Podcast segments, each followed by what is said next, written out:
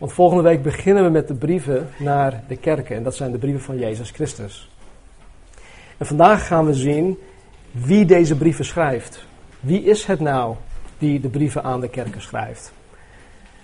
En we zullen Jezus Christus gaan zien op een manier dat we waarschijnlijk nog nooit eerder uh, bij stilgestaan hebben. We hebben vorige week een uh, begin gemaakt aan Openbaring 1. We hebben het merendeel van de begroeting gehad. Maar vanmorgen maken wij de begroeting af. En vervolgens gaan we kijken naar de eerste visioen die Johannes te, krijgen, uh, te, zien, krijgen uh, te zien krijgt van God. Dus laten we beginnen met uh, openbaring hoofdstuk 1 vers 1. Openbaring van Jezus Christus, die God hem gegeven heeft om zijn dienstknechten te laten zien wat spoedig moet geschieden. En die hij door zijn engel gezonden en aan zijn dienstknecht Johannes te kennen gegeven heeft. Deze heeft van het woord van God getuigd. En van het getuigenis van Jezus Christus alles wat hij gezien heeft. Zalig is hij die leest en zijn zij die horen de woorden van de profetie. En die in acht nemen wat daarin geschreven staat, want de tijd is nabij. Johannes, aan de zeven gemeenten die in Azië zijn. Genade zij u in vrede, van hem die is en die was en die komt, en van de zeven geesten die voor zijn troon zijn. En van Jezus Christus, die de getrouwe getuige is, de eerstgeborene uit de doden, en de vorst van de koningen der aarde. Hem die ons heeft liefgehad en ons van onze zonde gewassen heeft in zijn bloed. En die ons gemaakt heeft tot koningen en priesters voor God en zijn Vader.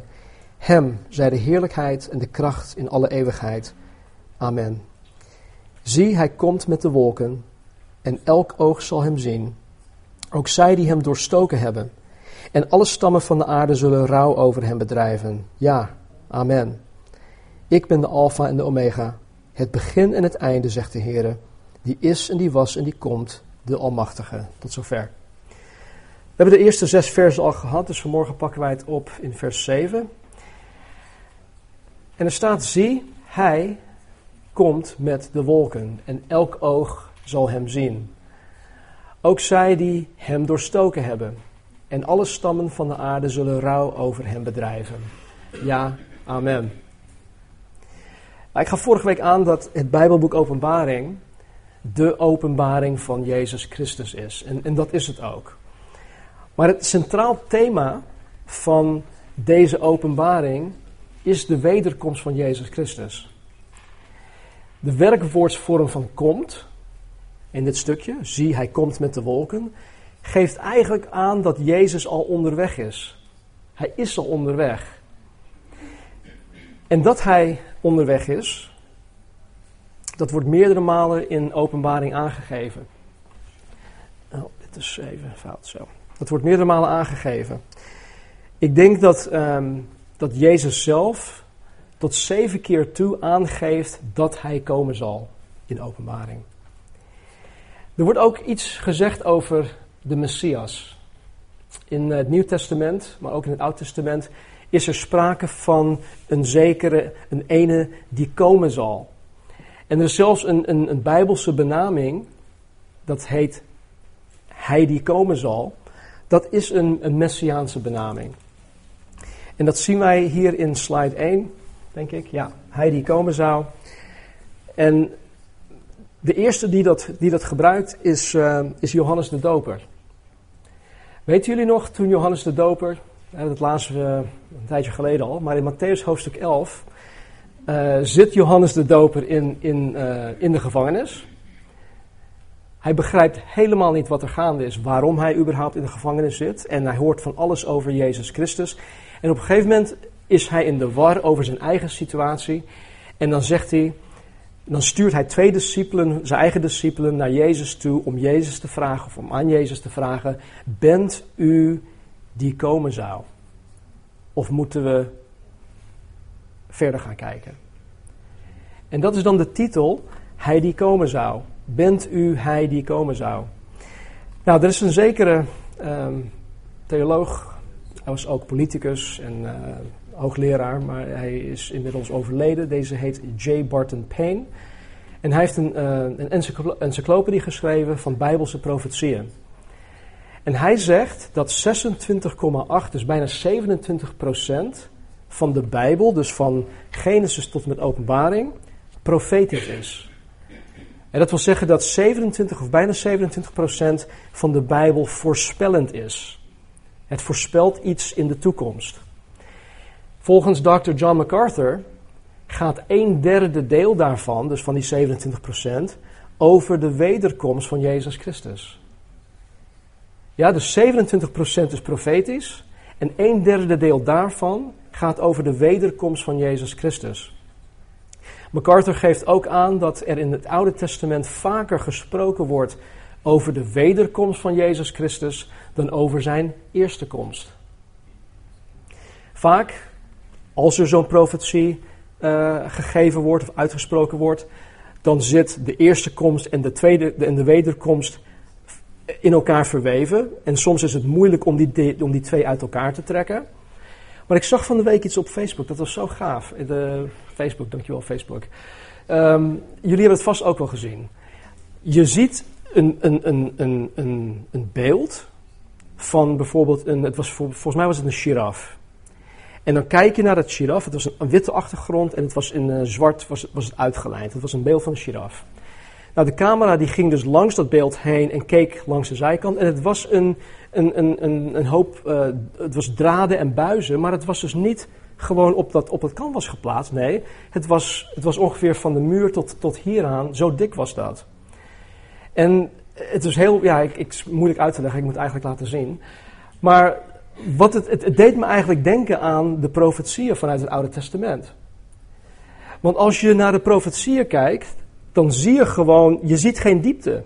je, of je ziet bijvoorbeeld, hier als ik nu naar, naar, jullie kijk, ik zie mijn microfoon hier, ik zie Mark, ik zie uh, Rebecca, ik zie daarachter zie ik uh, Willem en Marjan zitten. Mark, toch niet? Ja, ja, ja. oké. Okay. ja, ik zie je lachen, dus uh, ik dacht gewoon, heb ik het goed, ja of nee? Um, dus ik zie dat nu en zo zijn de profetieën ook in het Oude Testament gegeven. In één blik, in één ogenblik zie je gewoon wat er allemaal staat te gebeuren. Maar je weet dus niet precies wanneer dat gaat gebeuren. Dus anyway. Een derde deel gaat over de wederkomst. En er wordt vaker gesproken over de wederkomst en over zijn eerste komst. Nou, 46 oud-testamentische profeten spreken over um, Nee, sorry. Er zijn 46 oud-testamentische profeten. 36 daarvan spreken over de wederkomst van Christus. En alleen maar 10 spreken over zijn eerste komst. Een van de 25 versen in het Nieuw Testament hebben te maken met de wederkomst. 4%. Voor elke keer dat de Bijbel over de eerste komst van Jezus spreekt, spreekt de Bijbel 25 keer over de wederkomst. En Jezus zelf geeft 21 keer aan dat hij terug zal komen. En meer dan 50 keer worden wij gewaarschuwd om klaar te zijn voor zijn wederkomst. Er staat, zie, hij komt met de wolken. En elk oog zal hem zien. Ook zij die hem doorstoken hebben. En alle stammen van de aarde zullen rouw over hem bedrijven. Ja, amen. Nou, we hebben de afgelopen weken op de woensdagavond de, de opname van de gemeente behandeld. En bij de opname van de gemeente zal Jezus niet fysiek terugkomen op aarde. Maar er staat in 1 Korinthe 15 en in 1 Thessalonicense 4 dat in een ondeelbaar ogenblik zullen de wedergeboren christenen die dan leven op dat moment veranderd worden. En zij zullen Jezus in de lucht ontmoeten en vervolgens zullen zij altijd bij Jezus zijn in de eeuwigheid. Dat is dus de opname. Maar bij de wederkomst zal de hele wereld het zien. De hele wereld zal het weten. Het zal in Jeruzalem gebeuren, het zal buiten Jeruzalem, het zal op de Olijfberg gebeuren wanneer die komt. Hij zal zijn voet, volgens Zachariah, zal zijn voet op de Olijfberg komen te staan. En de hele wereld zal het zien. Nou, hoe zal de hele wereld het zien? Hoe zien wij dingen tegenwoordig? Ja, met onze ogen. Dankjewel, Gerry. nee, ik, ik, bedoel dus met uh, via tv of via uh, internet, uh, YouTube, noem het maar op. dus de, de, technische mogelijkheid is er vandaag de dag om het te kunnen zien, dat de hele wereld het ziet. Dat was een tijdje geleden niet zo. En Zacharias spreekt hierover. Er staat natuurlijk hier in, even kijken, in vers 7. En elk oog zal hem zien, ook zij die hem doorstoken hebben. Alle stammen, ja, alle stammen van de aarde zullen rouw over hem bedrijven. Nou, natuurlijk zijn degenen die Jezus doorstoken hebben, die Jezus uh, gekruisigd hebben, die zijn inmiddels overleden. En dus die zullen dat niet zien. Maar Zacharias spreekt hier dus over de Joden die dat op dat moment gaan meemaken. En dan hebben wij in Zachariah 12, vers 10, dit vers, of dit staan. Dan zullen de nakomelingen van David, de Joden, en de inwoners van Jeruzalem medelijden krijgen. Daar zal ik voor zorgen, dat zegt God. Ze zullen verdriet hebben over de man die ze doorstoken hebben. Ze zullen om hem rouwen als om hun eigen kind. Ze zullen huilen van verdriet alsof hun oudste zoon gestorven is. Ze zullen naar mij toe komen en mij om vergeving vragen. De Joden zullen bij de wederkomst ingaan zien. Ze zullen tot het besef gaan komen dat zij fout waren met betrekking tot Jezus. En God zal hun op dat moment genade schenken, waardoor vele Joden en ook de bewoners van Jeruzalem tot inkeer zullen gaan komen en tot geloof gaan komen in Jezus Christus als hun daadwerkelijke Messias. We hadden het er laatst nog over, ik weet niet meer precies met wie, ik kan me niet meer herinneren met wie ik hierover sprak. Maar volgens Romeinen hoofdstuk 9 tot en met 11 staat er dat God nog een plan heeft met Israël. God heeft nog een plan met het volk Israël. En eh, in mijn eigen woorden heeft God Israël als het ware in de koelkast gezet. Tot een later moment. En dat latere moment zal dus aanbreken wanneer, wanneer dit allemaal gaat gebeuren. Vers 8 staat, uh, zegt uh, dit. Ik ben de Alpha en de Omega. Het begin en het einde, zegt de Heer. Die is er, die was en die komt, de Almachtige. Weet je, dit vind ik wel mooi, hè? want het is een beetje, een beetje een rare plek om dit dan in één keer neer te zetten. Want God spreekt hier. Maar ik zie het als, uh, alsof God zijn handtekening hier gewoon op plaatst. Er staat, zie hij komt met de wolken, elk oog zal hem zien, ook zij die hem doorstoken hebben, alle stammen van de aarde zullen rouw over hem, over hem bedrijven, ja, amen. En dan ineens, ik ben de alfa en de omega. En God plaatst hier als het ware zijn handtekening op deze brief. Om te benadrukken dat, uh, dat hij is wie hij is. Om, om te benadrukken dat hij ervoor zal zorgen dat Jezus terug zal komen zoals het hier geschreven staat. Hij is de ik ben. Hij bepaalt alles.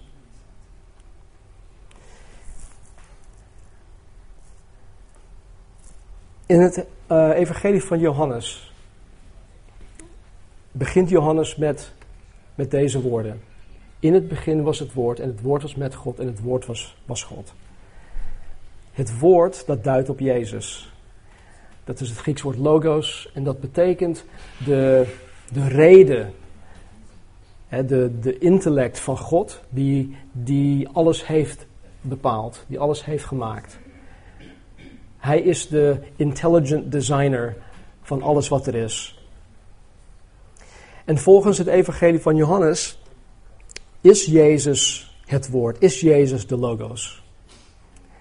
Dat wil dus zeggen dat Jezus de reden is achter de gehele schepping. Hij persoonlijk is de intelligent designer. Dus hij die het woord is, de logos is, vanaf de eerste letter alpha, Grieks alfabet, tot aan het laatste letter omega in het Grieks alfabet, alfabet. Hij als de logos behelst alles dat er te weten is. Er is niets wat hij niet weet. Hij behelst alles wat er te weten is. En hiermee zegt God dat, dat hij alwetend is.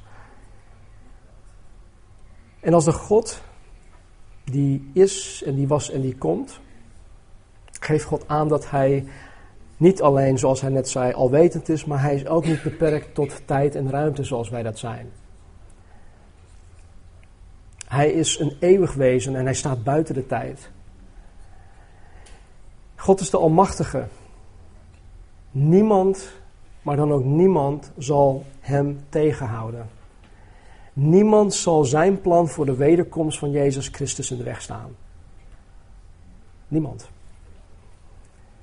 De wederkomst van Christus is dus geen kwestie van of, het is nu gewoon een kwestie van wanneer. Vers 9. Ik, Johannes, die, u, die ook uw broeder ben, en deelgenoot in de verdrukking en in het koninkrijk en in de volharding van Jezus Christus, was op het eiland Patmos omwille van het woord van God en het getuigenis van Jezus Christus. Nou, dat vind ik wel aardig van Johannes, want om duidelijk aan te geven wie er nu spreekt, om het een beetje duidelijk te maken, zegt Johannes hier dat hij dat zelf is. Wat ik mooi vind van deze, deze voorstelling, is dat Johannes, Johannes zichzelf op dit moment niet verheft tot de grote apostel Johannes, zoals wij hem zien, maar als een medebroeder, een deelgenoot in de verdrukking. De kerk werd al heel gauw na haar geboorte verdrukt en vervolgd. In handelingen zien zien wij Stefanus. Hij was de eerste martelaar. In Handelingen 8 zien wij dat de christenen vervolgens uit Jeruzalem vluchten, wegens de verdrukking en de vervolging. In Handelingen 9 zien wij een zekere Saulus die christenen in Damascus wilde arresteren om hun um, gevangen te nemen. En dit werd na verloop van tijd alleen maar erger. Het werd alleen maar erger. Want op een gegeven moment waren het niet alleen de Joden die, um, die het op de christenen gemunt hadden. Maar ook Rome begon christenen te vervolgen.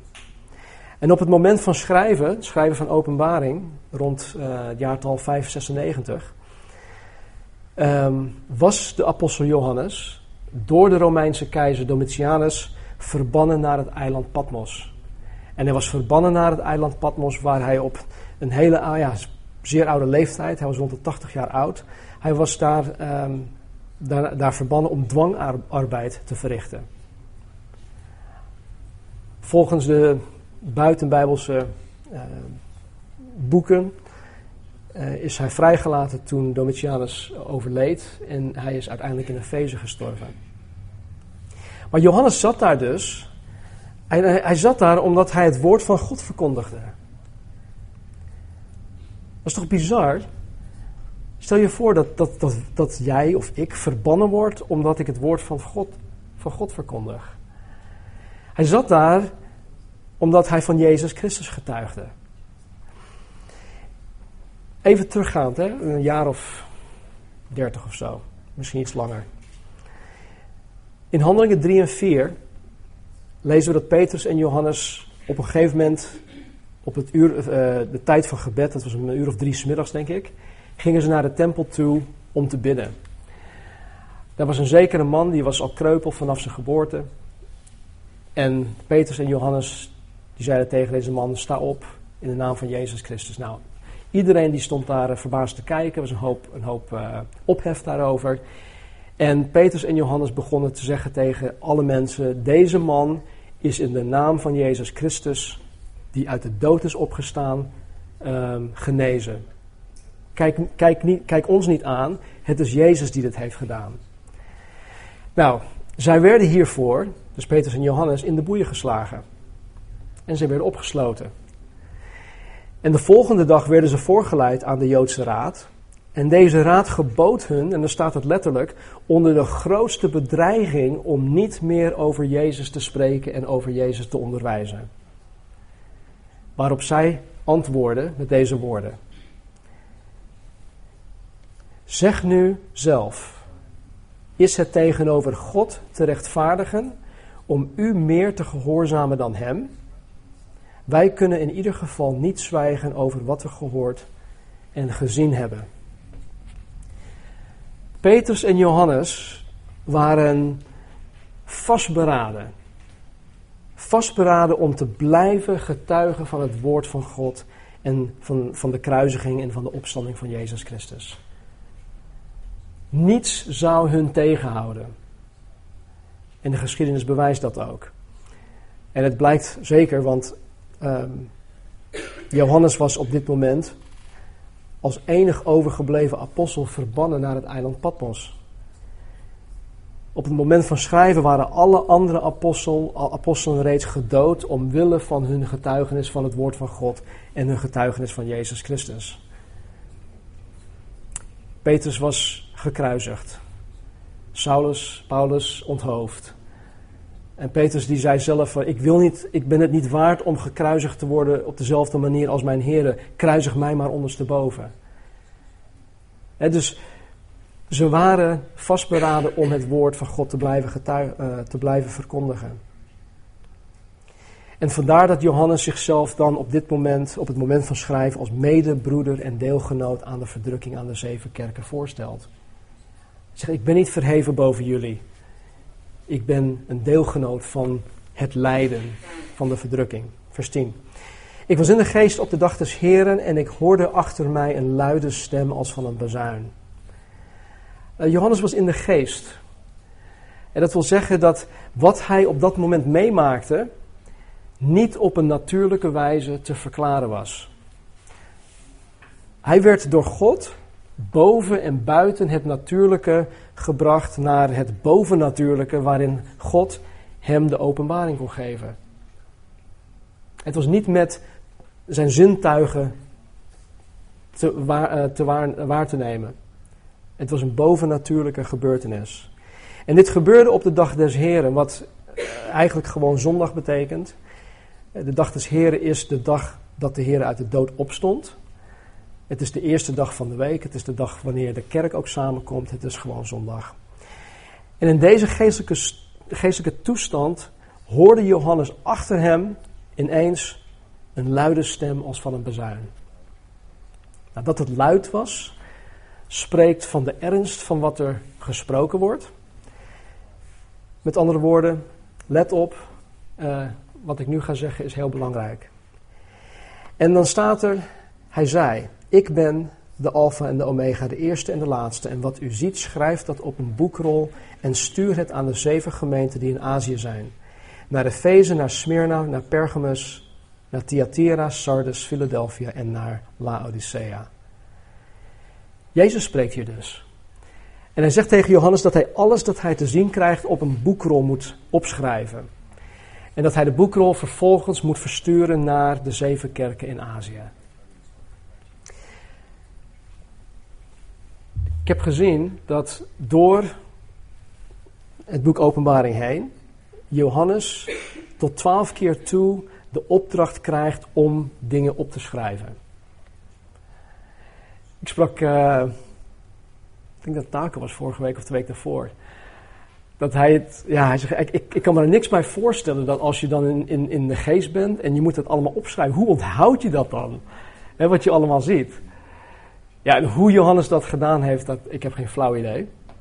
Maar God heeft er wel voor gezorgd dat hij dat voor ons heeft opgeschreven. Want anders hadden we het boek niet. Dus bij deze taco. nou, zoals we in de komende weken gaan zien, um, waren het echte kerken. Het, was niet iets symbolisch, het was ook niet iets. Um, uh, nee, het waren gewoon echte kerken in, in echte steden. Vers 12. En ik keerde me om om de stem te zien die met mij had gesproken. En toen ik mij had omgekeerd, zag ik zeven gouden kandelaren. Deze zeven gouden kandelaren die staan symbool voor de zeven kerken. Of die vertegenwoordigen de zeven kerken in Azië, die uiteindelijk de gehele kerk van Christus vertegenwoordigen. En Jezus legt dit zelf uit in, in vers 20, dat zullen we zo meteen ook zien. En het zijn kandelaren omdat de kerk op aarde zijn licht hoort te laten schijnen. Kandelaren die, die geven licht. Jezus zei ook tegen zijn discipelen: Jullie zijn het zout der aarde, jullie zijn het licht van de wereld. Dus de kerk is er om zijn licht te laten schijnen. En ze zijn van goud gemaakt, omdat goud het meest kostbaar metaal is. En dat, dat, dat, zegt, dat zegt dus dat de kerk ook het meest kostbare is op aarde dat God hier heeft. Het is het, het is het meest kostbare dat God hier op aarde heeft. Wij zijn kostbaar. De kerk van Jezus Christus is kostbaar voor God. Jij persoonlijk, jij als individu bent kostbaar. voor God. En te midden van de zeven kandelaren, vers 13, zag ik iemand die op de zoon des mensen leek.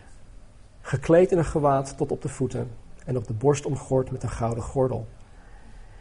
Dus te midden van de zeven kerken zag Johannes de verheerlijkte Jezus Christus die op de zoon des mensen leek. De titel Zoon des Mensen komt voort uit het Bijbelboek Daniel, waarin Daniel een visioen krijgt te zien en dat wordt dan ook zo genoemd, mensenzoon. In het evangelie van Matthäus noemt Jezus zichzelf tot 32 keer toe zoon des mensen. En 14 keer van de 32 heeft dit te maken met zijn wederkomst. En wat hier dan zo mooi is, althans wat ik mooi vind, is dat Jezus Christus te midden van zijn kerk is.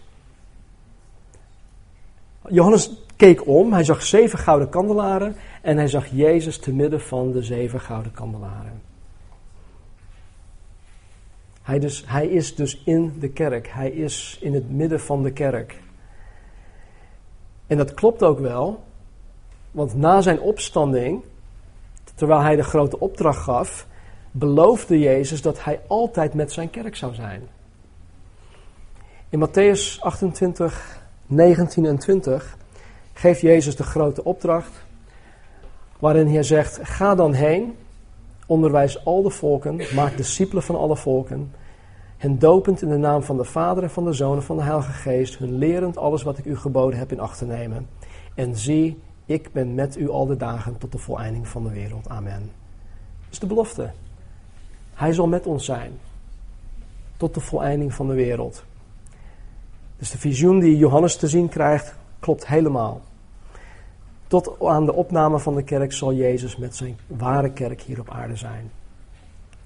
Er staat dat hij gekleed is in een gewaad tot op de voeten en op de borst omgord met een gouden gordel. En dat hij gekleed is in een lang gewaad en omgord is met een gouden gordel spreekt van zijn priesterlijke rol in de hemel. En volgens Hebreeën 4 is Jezus onze grote hoge priester. Jezus is onze grote hoge priester in de hemel.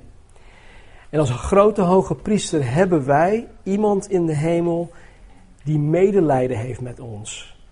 En niet, niet, niet medelijden in de zin van, oh ik vind je zo zielig. Maar hij weet precies waar wij doorheen gaan als mensen. En hij weet precies wat wij nodig hebben om daar doorheen te komen. Dus we hebben, een, we hebben iemand in de hemel die medelijden met ons heeft, die weet wat het is om, om hier op aarde te lijden.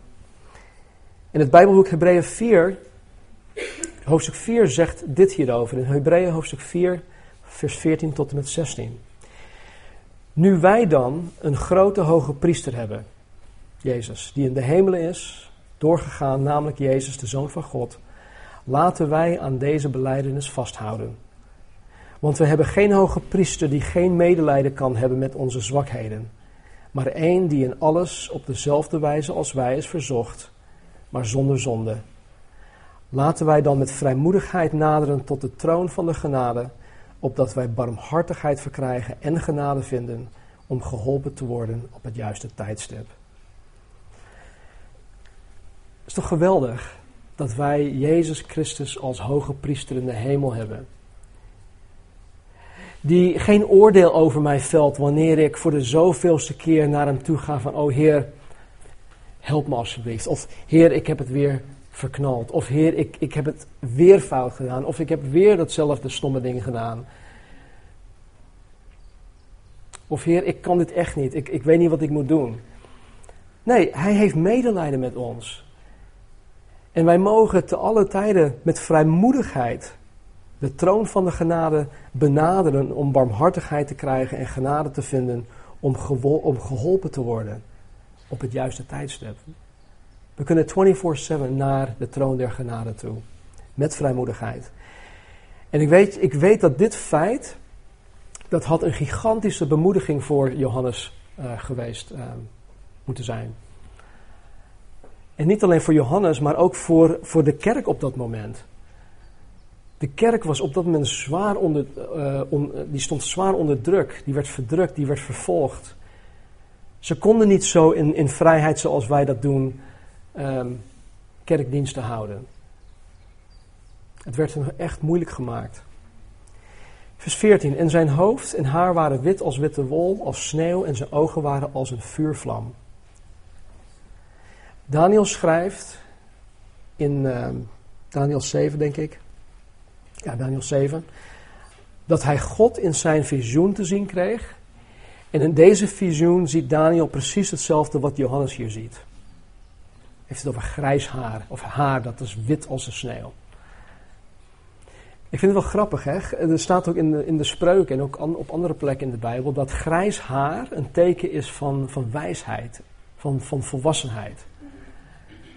En dan vraag ik me dus ook af waarom mensen dan hun haar willen verven als ze grijs aan het Ik, ik, zeg niks tegen jullie hierover, maar ik, ik vraag me dan af, joh. Kijk, als, als, ja, ik heb weinig haar, maar wat ik heb, dat wil ik gewoon grijs laten worden. Want de Bijbel geeft aan dat dat een teken van wijsheid is. Maar goed. Deze omschrijving van, je, uh, van Jezus in openbaring geeft ten eerste aan dat Jezus ook God is. Ik denk dat dat voor ons allemaal wel duidelijk is, maar gewoon even ter herhaling. Jezus is God. En ten tweede geeft het aan dat hij dezelfde eigenschappen heeft als God de Vader.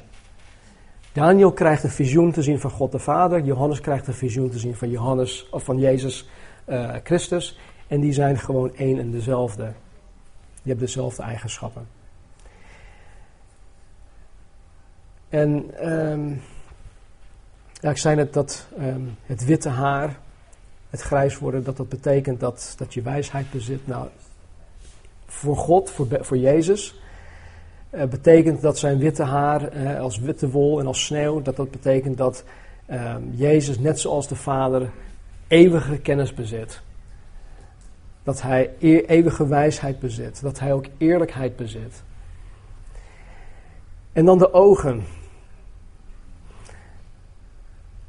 Zijn ogen waren als een vuurvlam. Dat de ogen van Jezus als een vuurvlam waren, of zijn. Dat geeft aan dat niets verborgen kan zijn voor zijn doordringende blik. En dit is voor, voor sommigen van ons is dat gewoon gaaf. Oh, heerlijk. Hij ziet alles. Maar ik denk dat het voor sommigen van ons ook misschien minder prettig zou kunnen zijn. Hè, wat bedoel je nou? Ziet hij echt alles? Ja, hij ziet alles. En zoals hij alwetend is, is hij ook alziend. Vers 15.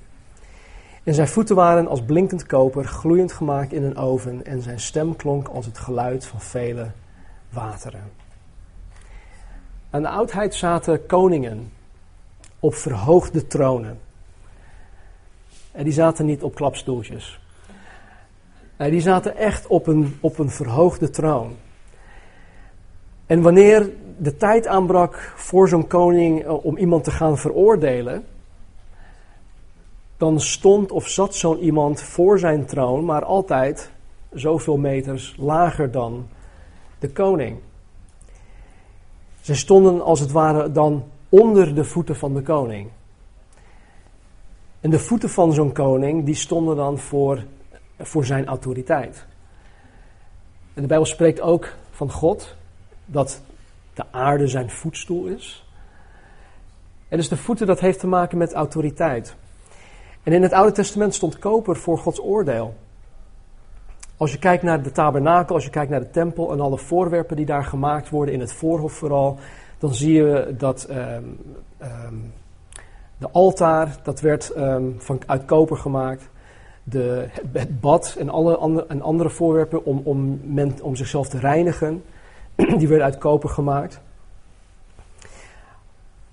Maar het koper stond eigenlijk voor Gods oordeel.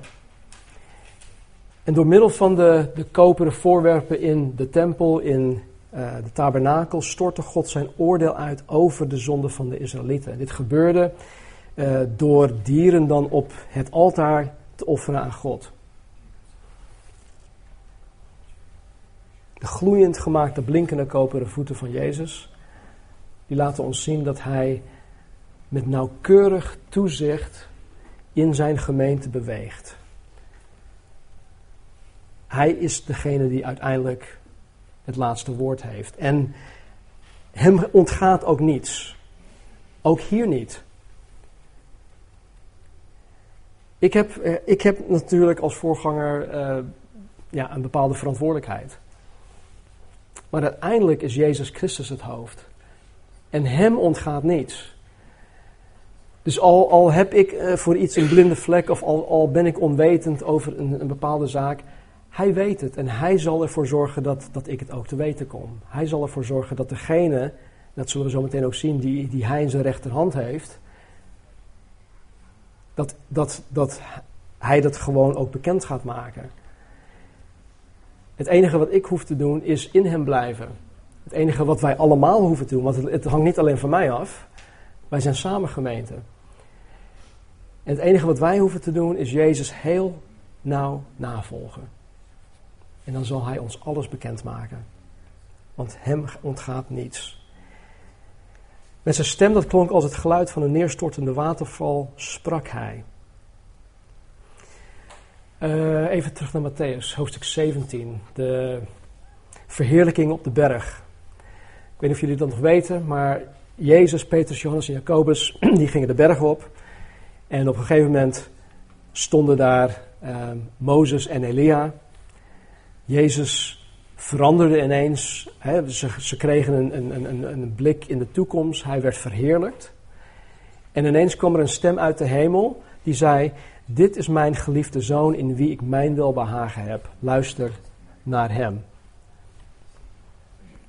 Luister naar hem.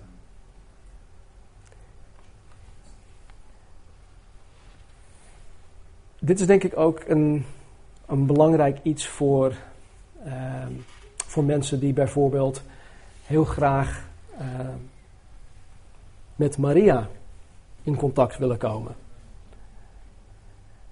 Tot twee keer toe, ook bij de doop van Jezus Christus, zegt God de Vader uit de hemel: Dit is mijn geliefde zoon in wie ik mijn welbehagen heb. Luister naar hem. Dus mocht iemand um, tegen jou zeggen: Ja, maar hoe zit dat dan met, met Maria? Nou, God zegt dus niet in de Bijbel dat wij naar Maria moeten luisteren. Nee, ons contact is rechtstreeks met Jezus Christus. Het is door Jezus Christus dat wij toegang tot God de Vader hebben. Hij is de enige bemiddelaar tussen ons en God de Vader. Luister naar Hem, zegt God de Vader.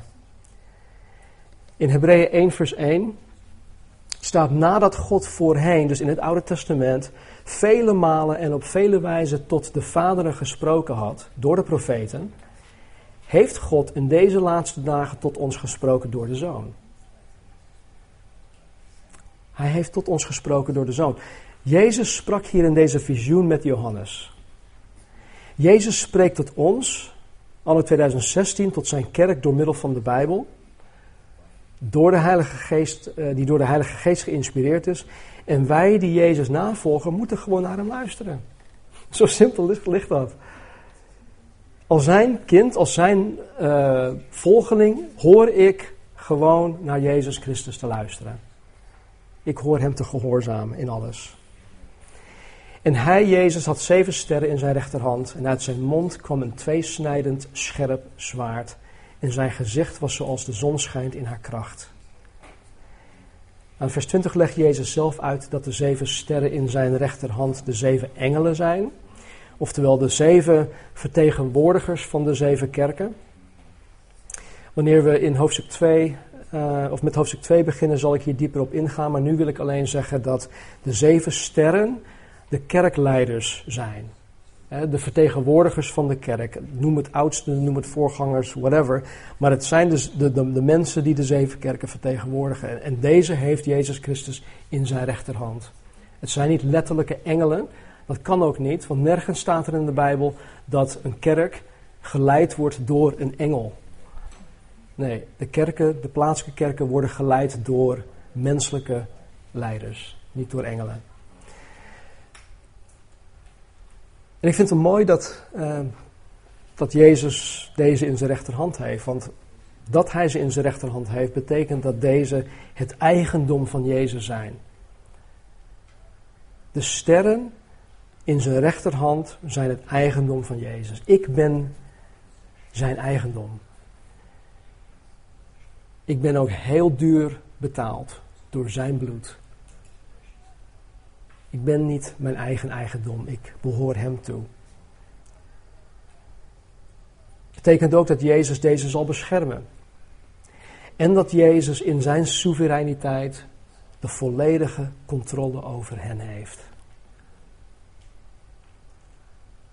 Het tweesnijdend zwaard dat uit de mond van Jezus komt, spreekt van een verwoestend oordeel. Dat vind ik aan de ene kant heel erg, aan de andere kant vind ik het wel fijn. Want alle mensen die tegen het werk van de Heer ingaan, die zullen te maken krijgen met dit zwaard. En dan bedoel ik alle mensen, zowel binnen de kerk, als ook mensen buiten de kerk, zullen zelf door de Heer veroordeeld worden. Dat zijn mensen die zijn werk tegengaan. Bewust tegengaan. Nou, wat we tot nu toe hebben gedaan, ik, ik weet het, het is nogal veel. Maar de bedoeling van vandaag is om, om gewoon een aantal dingen te gaan definiëren. Want wanneer we in hoofdstuk 2 en 3 komen, zullen deze eigenschappen weer terugkomen. En dan zal ik uiteraard terugrefereren aan deze vers in hoofdstuk 1. Nou, over het verblindende licht van zijn gezicht hebben we in Matthäus 17 gelezen, een tijdje geleden, toen Jezus op de berg verheerlijkt werd. Uh, Saulus, toen hij uh, door uh, Jezus geroepen werd in Handelingen 9, verscheen Jezus aan hem en in Handelingen 26 vertelt Paulus dit verhaal en dan heeft hij het over een licht sterker dan de glans van de zon. Ik denk dat wanneer we met dit weer naar buiten toe gaan, doen wij allemaal iets dat ons beschermt tegen het zonlicht. Zonnebril. Nou goed, Paulus had dat niet. Had misschien wel geholpen, maar dat weet ik ook, ook niet. Maar hij zegt, het was een licht sterker dan de glans van de zon. En vers 17, en toen ik hem zag, viel ik als dood aan zijn voeten. En hij legde zijn rechterhand op mij en zei tegen mij: Wees niet bevreesd, ik ben de eerste en de laatste.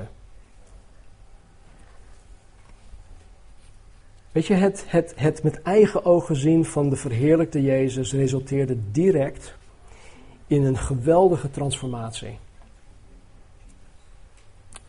En dat is ook het geval met ons. We waren van de week naar Ziegen toe geweest. Ik raakte daar in gesprek met iemand die zei dat uh, die persoon dan in de afgelopen tijd, maanden, misschien een jaar, Jezus steeds beter heeft leren kennen. En dat door die kennis haar, haar, haar, um, haar relatie met God veranderd is. Ehm, haar kijk op God veranderd is, haar kijk op de wereld veranderd is, haar kijk op de kerk veranderd is. Alles is ten positieve veranderd. En dat is denk ik het grootste probleem, zowel binnen en vooral buiten de kerk, is een misvatting van wie God is. Dat mensen een verkeerd beeld van God hebben.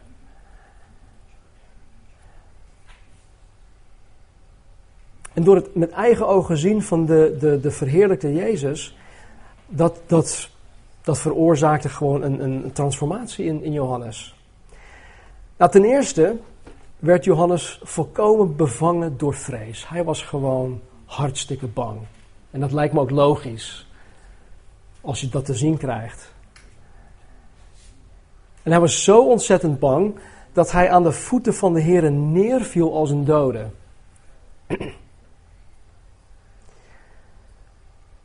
Vervolgens legt Jezus met heel veel bewogenheid zijn rechterhand op Johannes en dan zegt hij: Wees niet bevreesd. Dus ik denk dat op dat moment dat die angst ook veranderde in iets anders. Ik weet of jullie het weten, maar de meest voorkomende uitspraken van God naar de mens toe is: Wees niet bevreesd. Dat komt letterlijk honderden malen voor in de Bijbel. Wees niet bevreesd. Kijk, natuurlijk had Johannes een goede reden om bang te zijn. Ik denk dat wij allemaal als doden zouden neervallen als wij Jezus in zijn verheerlijkte staat zouden zien. En stel dat Jezus in één keer hier tevoorschijn komt, te staan, dan zullen we allemaal bang zijn. Maar als je nagaat, hè, hebben mensen vrees voor allerlei dingen. Behalve een gezonde vrees voor God. Mensen hebben bijvoorbeeld vrees voor de dood. Mensen hebben vrees voor de toekomst.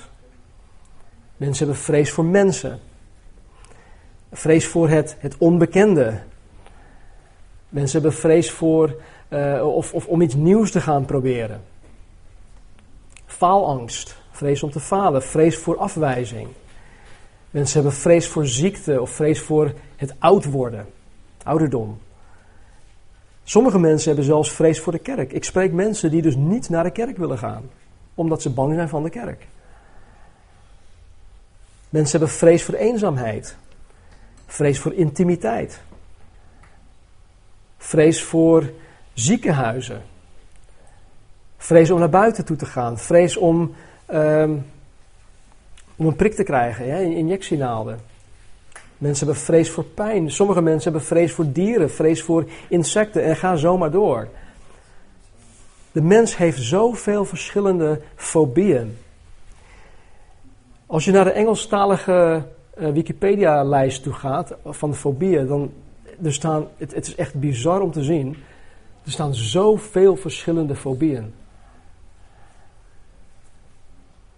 En weet je dat, dat vrees of een ongezonde vrees, oftewel het bang zijn, eh, dat dat de christen kan verlammen. Vrees kan een christen verlammen. En dan bedoel ik niet eh, fysiek verlammen, maar gewoon dat je, dat je lam raakt. Dat je niks meer kan doen. Het kan de christen ineffectief maken. Vrees kan de christen weerhouden van, de, van alle goede dingen die God voor hem of voor haar voor ogen heeft. Ongezonde vrees en angst kan Gods werk in en door zijn of haar leven heen belemmeren. En het kan een christen ook geestelijk onvruchtbaar maken. Onvruchtbaar in de zin dat je niet alleen geen geestelijke vrucht draagt, maar ook onvruchtbaar in het vermenigvuldigen van jezelf. In Calvary Chapel hebben wij in, sinds de jaren 70 een gezegde. In het Engels staat er: Healthy sheep beget sheep. In het Nederlands is het zoiets van: uh, gezonde schapen verwekken schapen. Dus als, als je een gezonde schaap bent, dan, dan verwek je vanzelf meer schapen. Wat betekent dat je het evangelie met mensen deelt, dat je jezelf vermenigvuldigt. Je bent vruchtbaar in die zin. Maar vrees en angst, dat zou je vruchtbaarheid uh, tegen kunnen gaan. En weet je, als je momenteel bevangen bent door, door een ongezonde vrees of angst, ga gewoon op zoek naar de Bijbelteksten. Ga op zoek naar de schriftgedeelten waarin God ons bemoedigt om niet te vrezen. De enige vrees die wij eigenlijk horen te hebben, de enige gezonde vrees, is vrees voor God. En vrees betekent enerzijds ontzag. Ik buig mij voor u neer, ik heb ontzag voor u God. Maar ik denk ook dat een, een, een, een, een gezonde dosis, dosis angst van God, of voor God ook goed is.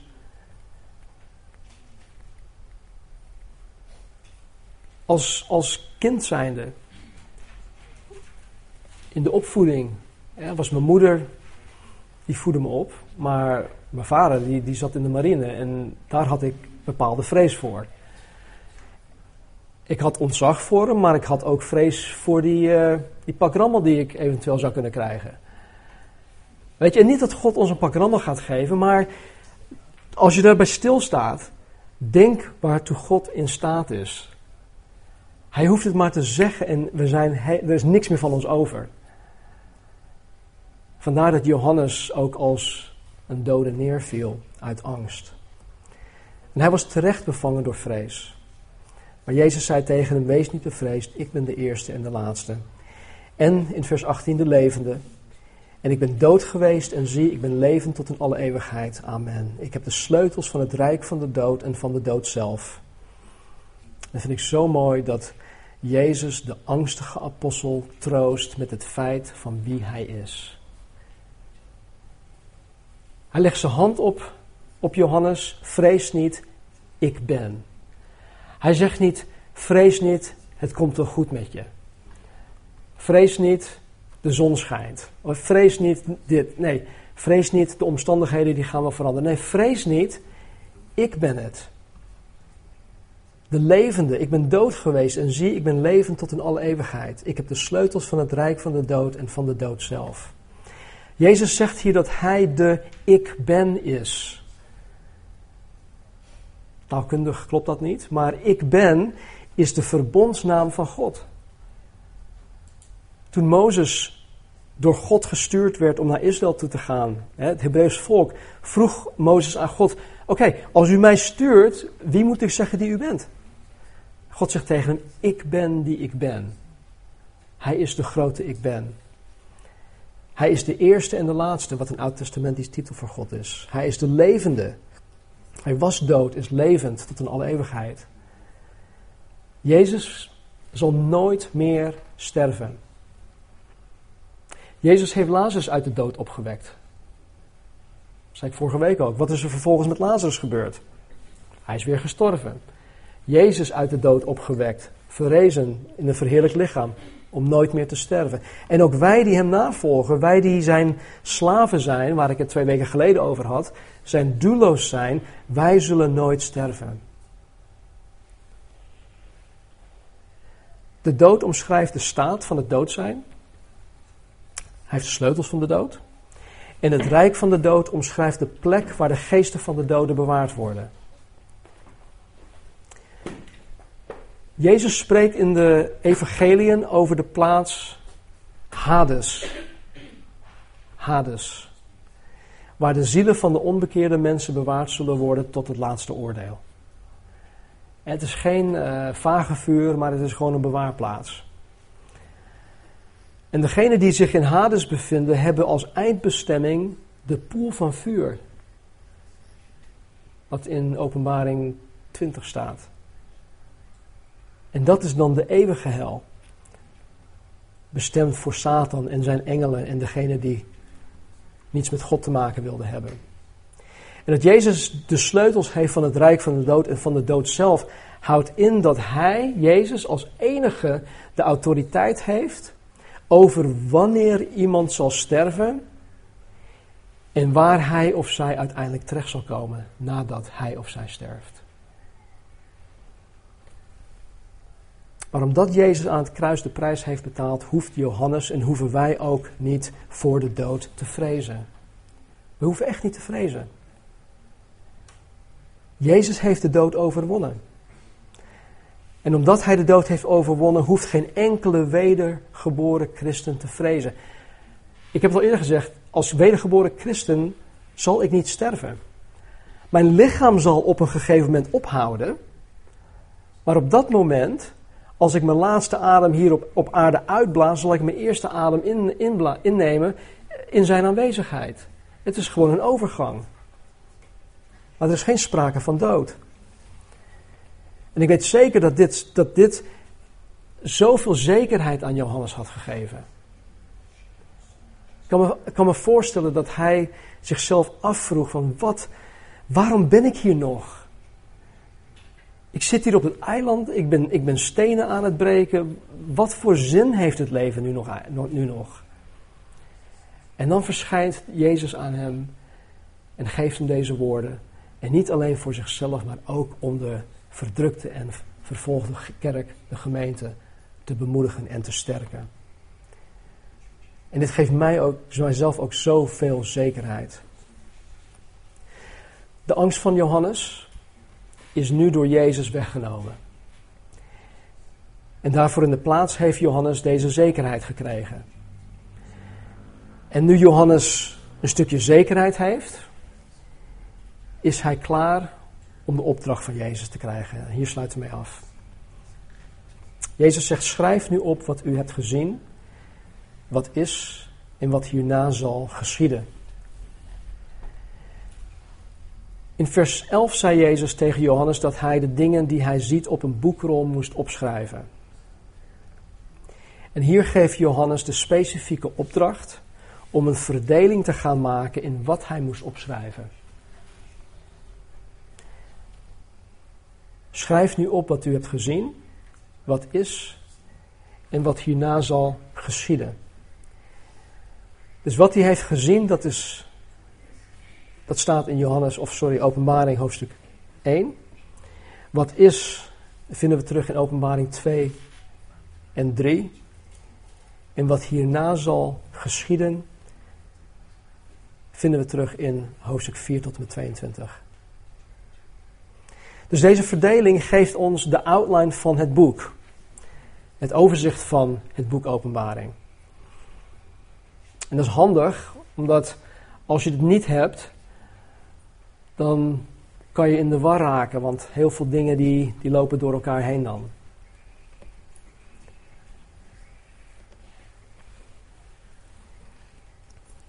Nou, vers 20 spreekt voor zich. Het geheimenis van de zeven sterren die u in mijn rechterhand hebt gezien en van de zeven gouden kandelaren is dit. De zeven sterren zijn de engelen van de zeven gemeenten en de zeven kandelaren die u hebt gezien zijn de zeven gemeenten. Nou, wat kunnen we hier nou mee? Jezus Christus komt terug. En dan niet als het mak lammetje die voor ons geslacht is, die voor ons gekruisigd is, die zijn mond niet opentrok toen hij voor Pilatus zat. Nee, Jezus komt terug in heerlijkheid. Hij komt terug als de koning der koningen. Hij komt terug als de rechtvaardige rechter. Jezus komt terug als heerser van het heelal, die alle eigenschappen bezit die wij vanmorgen in de tekst gezien hebben. Uit angst viel Johannes voor hem neer als een dode. Ik moet mezelf afvragen, en ik denk dat jullie dat jezelf ook moeten afvragen. Heb jij een gezonde dosis vrees voor Jezus Christus? Heb jij een gezonde dosis vrees voor Jezus Christus? Past de omschrijving van Jezus in hoofdstuk 1 bij jouw beeld van wie Jezus Christus is? En gisteren stuurde ik in het sms-berichtje iets over jouw beeld van Jezus. Ik weet niet meer precies hoe ik had verwoord. Maar ik denk dat we allemaal tot op nu, dit moment, heden, dat we een bepaald beeld van Christus hebben. En misschien is dat beeld heel bijbels. Maar misschien is het niet bijbels compleet. Misschien is ons beeld nog steeds van hoe Jezus was in de evangeliën. Ik spreek soms met mensen die, die nog niet geloven. En die zeggen, oh ja, nou die, die Jezus die vind ik wel cool, die vind ik wel oké. maar die Paulus, nou daar wil ik niks mee te maken hebben. Waarom? Omdat ze, ze, ze halen bepaalde eigenschappen van Jezus uit de evangelie. Oh, nou daar kan ik me wel in vinden. Maar als Paulus het heeft over dit, dit, dit en dat. Hmm, nee, daar kan ik me niet in vinden. Weet je, dus dat, dat, dat, dat, dat gebeurt soms gewoon. Dat wij een, een, een, een, niet compleet beeld van Jezus Christus hebben.